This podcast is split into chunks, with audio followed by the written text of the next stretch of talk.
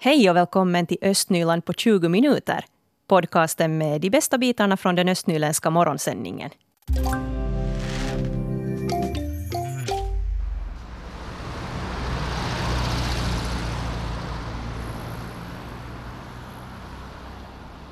Ja, vi har i nyheterna berättat att allt fler fordon drar fram på de östnyländska huvudlederna. Trafikmängden har ökat allra mest på motorvägen på riksväg 7 och vår reporter Mikael Kokkola han är nu med här i studion. God morgon Micke. God morgon, god morgon. Du har grävt lite i statistiken. Jo, det har jag gjort. Trafikledsverket Väylä, ja, som det nu heter, uh, har en väldigt noggrann statistik över alla större vägar i vårt land. Och jag har tittat på siffrorna för huvudlederna i vår region med då ett tidsperspektiv på, på tio år. Och vad blev resultatet? Ja, under de senaste tio åren så har trafikmängderna ökat med upp till 20 procent på sina ställen. Det här på motorvägen. Och Följderna av en större trafikmängd är ju många, då, allt från förstås ökad olycksrisk och, och vägslitage till, till ett eh, allt större klimatavtryck. Mm. Och du har talat med en sakkunnig på Trafikledsverket.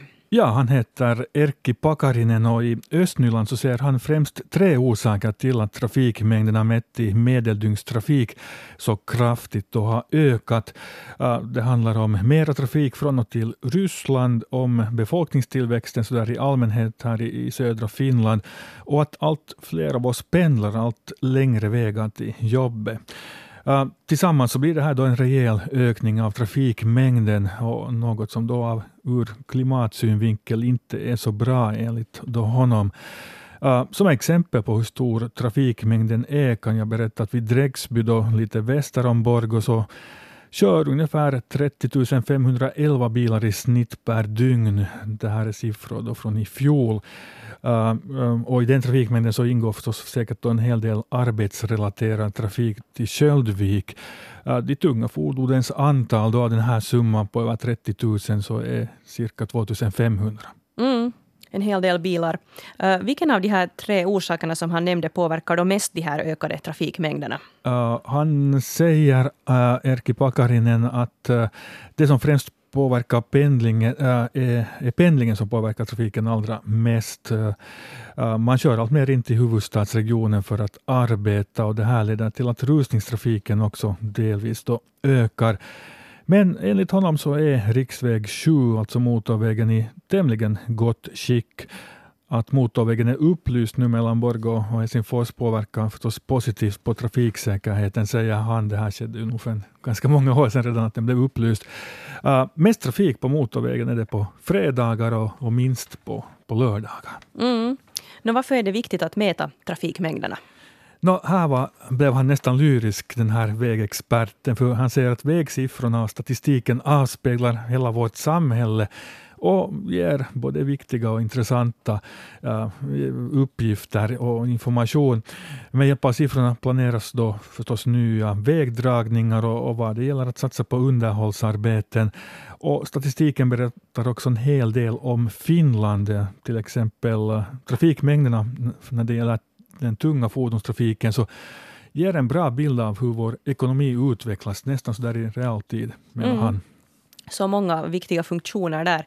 Ja, det är ju intressant det här med vägar. Ofta är det ju nog så att sådana här större vägar som motorvägar och sånt så är ju i bättre skick än om man tänker på sådana här mindre, mindre vägar sen när det gäller underhållet. Precis. Och på vår webbplats så hittar ni lite stapeldiagram, nej förlåt inte stapeldiagram, men diagram på just hur trafikmängderna har äh, utvecklats på, på vissa ställen där på, på motorvägen. Du träffade lite vanliga människor också. Det gjorde jag ju med, med mina statistikpapper i högsta hugg.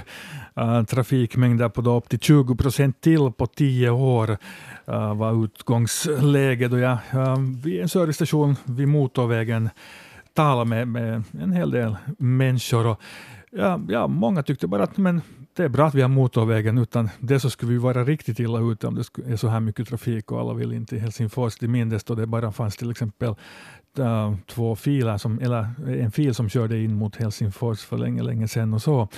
Uh, jo, uh, så här tycker en del vägfarare. Vilken relation har du till motorvägen här genom Östnyland? No, ganska, ganska, någon gång alltid till Helsingfors och så, så vidare. Att, no, det är bra. Vad är det som är bra? Man slipper hastigt till stan. Nu på tio år har trafikmängderna ökat på vissa ställen upp till 20 procent här längs med motorvägen. Ja. Vad har du för iakttagelser? Ja, det, det är ju fint att, och det kommer ju till växa hela tiden. Då slipper vi det från någonstans. Påverkar det trafiken tycker du på något sätt? Nej, inte tror jag det inte. Nej. Och det är riktigt OK. Finns det något tider då du hellre kör eller inte kör? Nej, jag inte har jag någonsin. Helst, helst på dagen. På morgonen så är det ju fullt med, med bilar. Jävla köer är det. Men annars är det ju riktigt fint. Kim Svenskberg och Ann-Marie Koivula, vad är er relation till riksväg 7, motorvägen här? Riksväg 7 den är, den är bra och den var mycket behov, i stort behov att få den då, då när den fortsatt vidare från, från Lovisa mot Östkotka för den, den vägen var ju urusel. Så jag använde den mycket och den, det, nu, är det, nu är det bra helt enkelt. Hur ofta är du ute på, på de här vägarna? No, ganska ofta nog eftersom som vi åker ganska ofta till Pyttis så då är nog riksväg 7 bekant. Hur är det att köra längs med den? No, ibland är den lite gropig nog här var men att nu är den igen i bra skick tycker jag. Vad har du för iakttagelser? No, jag tycker att det nu, nu, är, nu är riktigt bra och, och trafiken löper bra. Den, den, den är nog helt, helt okej okay nu. På tio år så har trafikmängden ökat med ungefär 20 procent på, på vissa ställen här längs med motorvägen, kanske inte så där långt österut men här närmare Borgo och Sibbo. Har ni lagt märke till, till det? Nu märker man då, då när man åker inåt Helsingfors att trafiken är, är nog, är nog en, otroligt stor egentligen. Att det där, man tänker att hur, hur skulle det ha gått med, om inte vi skulle ha motorväg så skulle det ha varit en omöjlighet. Och absolut märkt ju österut också i och med trafiken österifrån så att nu har det ju ökat. Finns det ja, då tider som ni tycker är jobbiga att vara ute på motorvägen på? No, inte egentligen på motorvägen inte. Inte tycker jag att det märks de där tiderna så speciellt mycket inte. Nej, det är nog, det, motorvägen drar, drar bra. Det, det enda som är problemet då man, man, man far i, vid rusningstid in mot, mot Helsingfors, Esbo trakten så då, då, då stockar det ju sig där i den ändan men, men det är ju inte motorvägens fel på det viset. Det att trafikmängderna ökar så här, väcker det några funderingar? Jag inte vet jag speciellt funderingar men förstås säkerheten, absolut, den är ju A och O för sådana här vägar. Hurdant är ditt förhållande till motorvägen här i Östnyland? Två gånger om dagen, 82 kilometer per gång. Så du kan den nästan utan till? Bilen kan den utan till, jag kan blunda. Oj. Vad tycker du om, om att köra längs med motorvägen? Jag kör sådana tider att, att det, det är riktigt bra, bra för mig. Jag är igång halv sex på morgonen och sen fem, sex på kvällen. Så hur mycket trafik är det då omkring dig? Jag tycker att det, det är ganska lagom. Alltså jag kan ju jämföra med, med de åren när, när det var de här ryssräckorna med bilar på. Så att jag tycker att det har blivit mycket bättre. Under de senaste tio åren har ändå trafikmängden ökat med sådär en 20 procent på många ställen här på uh, riksväg 7. Hur ser du på det? Jag skulle säga att trafiken har, har ökat alltså om jag åker en morgon senare till Borgo så är det klart mycket trafik men att det där, jag har sådana tider så att det är ganska lämpligt för mig. Vad väcker det för tankar det här att trafikmängden ökar på det här sättet? No, vägen har ju blivit avsevärt bättre, alltså jag kommer ju också ihåg den tiden då vi bara hade två körfiler. Men, och ingen belysning? Och ingen belysning. Mörkt är det nog, nog nu också morgonkväll så här års. Att det, det är besvärligt. Belysning skulle jag gärna önska ha där.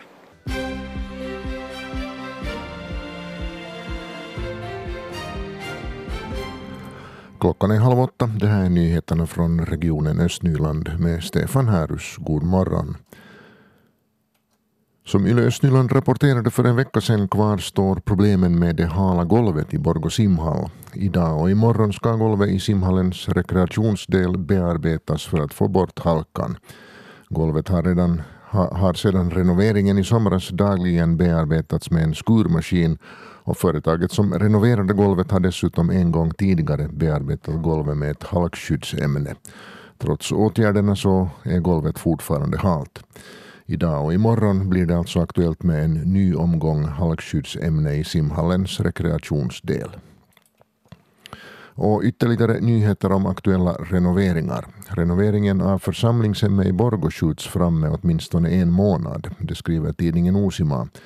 Beslutet om att skjuta fram renoveringen togs av gemensamma kyrkofullmäktige vid sitt senaste möte. Det vinnande motförslaget om framskjuten renovering lämnades av Jere Rikonen som anser att man fram till följande möte ännu borde undersöka möjligheterna att kunna samsas om lokaler i det finska församlingshemmet. Den svenska fullmäktigegruppen anser att gemensamma kyrkofullmäktiges obeslutsamhet äventyrar domkyrkoförsamlingens möjlighet till verksamhet och äventyrar likaså personalens välbefinnande.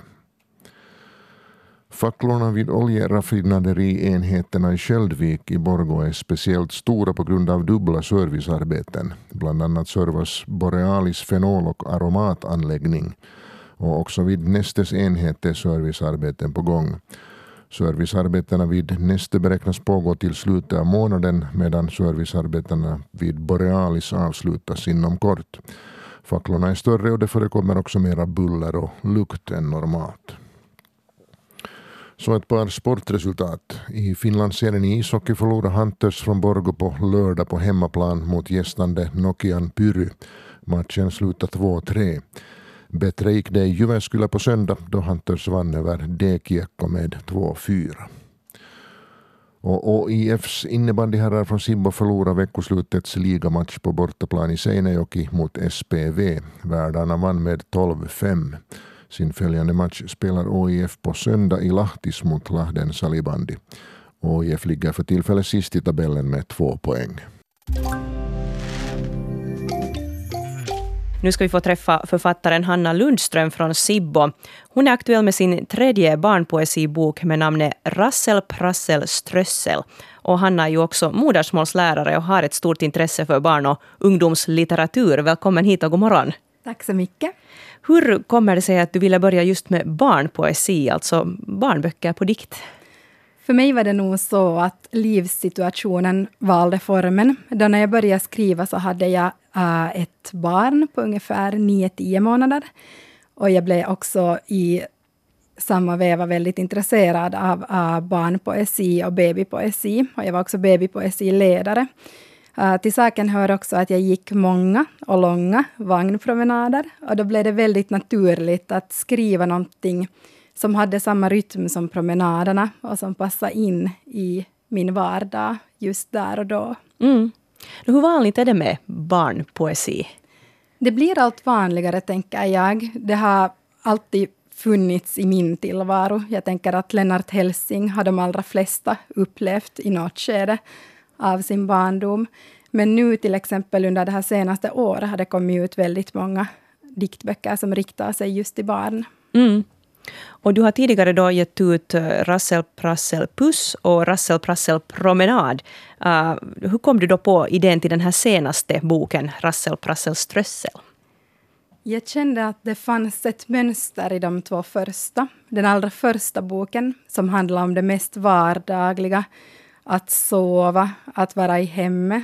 Och sen um, i den andra boken så så sökte man sig utåt, gick ut i naturen och kanske närmiljön. Och så kände jag väldigt starkt att jag är inte riktigt klar ännu. Uh, de här böckerna ska söka sig ännu längre utåt. Det ska vara så att barn ska också få gå ut på stan, de ska få gå på museum, uh, de ska få se konst, lyssna på musik, uh, lyssna på stadens ljud, alla de sakerna. Och då kände jag mig manad att att göra ett till försök. Och det blev den här boken sen. Då kan du ta något exempel där från din bok så får vi höra mm. hur det låter. Jag börjar gärna med den, den uh, dikten som var den första. Uh, när jag började skriva så var det vid den här dikten som jag insåg vad den här boken ska handla om. Och den är också den första dikten i boken. Den heter Torget. Feta duvors ljusgrå huvor rör sig plockigt och ner. Sparven spanar efter smular, lättar, landar, hittar fler. Måsen ritar vida cirklar på en molngrå himmel, lyfter högt och glider fritt över torgets vimmel. Den här dikten heter Stänk. Lyckorus med regnbågsblänk är fontenens klara stänk. Långt till snö och långt till is när vatten gör på detta vis. När fontenen sprudlar på skrattar vattnet. Är det så? Wow. Hur lätt kommer du på sådana här dikter? Det beror på. Uh, ibland får jag leta väldigt länge efter en dikt. Att jag vet vilken eh, känsla och stämning jag är ute efter, men att jag är tvungen att leta efter orden. Och ibland så är det som att vissa ord nästan drabbar mig. Att jag tänker att det där ordet är så roligt och finurligt. Så kring det här ordet behöver jag bygga någonting. Det ska bli någonting av det här. Så det är väldigt olika. Mm. Och kan du då bli inspirerad typ när som helst, fast mitt i natten vakna och tänka att det här måste jag skriva ner? Det är nog mera när jag är på de platserna uh, där jag tänker att dikterna ska äga rum på något sätt. Till exempel uh, när jag, för den här bokens del, när jag gick på stan så kunde jag känna att nej, men, det där kan vara någonting som ett barn fastnar för. Och det var ju väldigt givande för mig också, att gå på stan och fundera att hur ser den här platsen ut? Om det är ett barn som tittar på det här, för barn är jätteskickliga på det där att hitta lite magi i vardagen, kanske skickligare än vad vi vuxna är. Mm. Och det är en lång process när man skriver en bok. Du sa att det här var en tvåårsprocess nästan. Mm, den första dikten började jag skriva på. Den heter Trottoarens toner. Den började jag skriva på nästan genast efter att uh, den, den förra diktboken Rassel Prassel promenad blev klar. Mm. Nå, hurdan respons har du då fått av barn gällande dina böcker? Uh, väldigt glad respons, tänker jag. Uh, väldigt många konkreta exempel på vad barn har gjort av mina dikter. Jag tycker att det är jätteroligt att höra att uh, dikterna har inspirerat dem till att göra någonting på egen hand. Som på ett daghem hade barnen använt min dikt om snö och byggt upp en hel värld av snö omkring sig. Så det känns lite fint att tänka att de har läst någonting som jag har gjort och så börjar de göra någonting eget. Ja, jättefint verkligen. Eh, och du är ju själv då modersmålslärare. Hur ser du på barn och ungas läsande i dagens läge? Jag tycker att jag ser ljusare på det nu än för tio år sedan till exempel. Under de senaste åren har vi haft till exempel läsambassadörer som har synliggjort läsning både i skolor och i hemmen på ett väldigt fint sätt. Uh, jag tror också att föräldrar har blivit mer medvetna om att, att läsning det, det är ingenting som händer av sig själv. Det finns mycket som är väldigt naturligt i ett barns läsutveckling, men vi vuxna behöver finnas där och stödja det hela tiden. Uh, sen tänker jag att uh, föräldrar har blivit mer medvetna om det. Och jag tänker att följande steget tror jag att alla vuxna blir medvetna om att vi behöver vara många som satsar på barns läsning. Många som frågar av barn att vad läser du just nu? Vad vill du läsa som följande? Mm. Vi har Hanna Lundström här i studion. Hon är författare från Sibbo och aktuell med sin tredje barnpoesibok. Eh, vi berättade här nyligen, Hanna, att dina poesiböcker också har blivit musik i en tvåspråkig barnkonsert med Äppel och Peppel. Hur känns det att dina dikter har tonsatts? Det känns jättefint. Det var ingenting jag hade räknat med.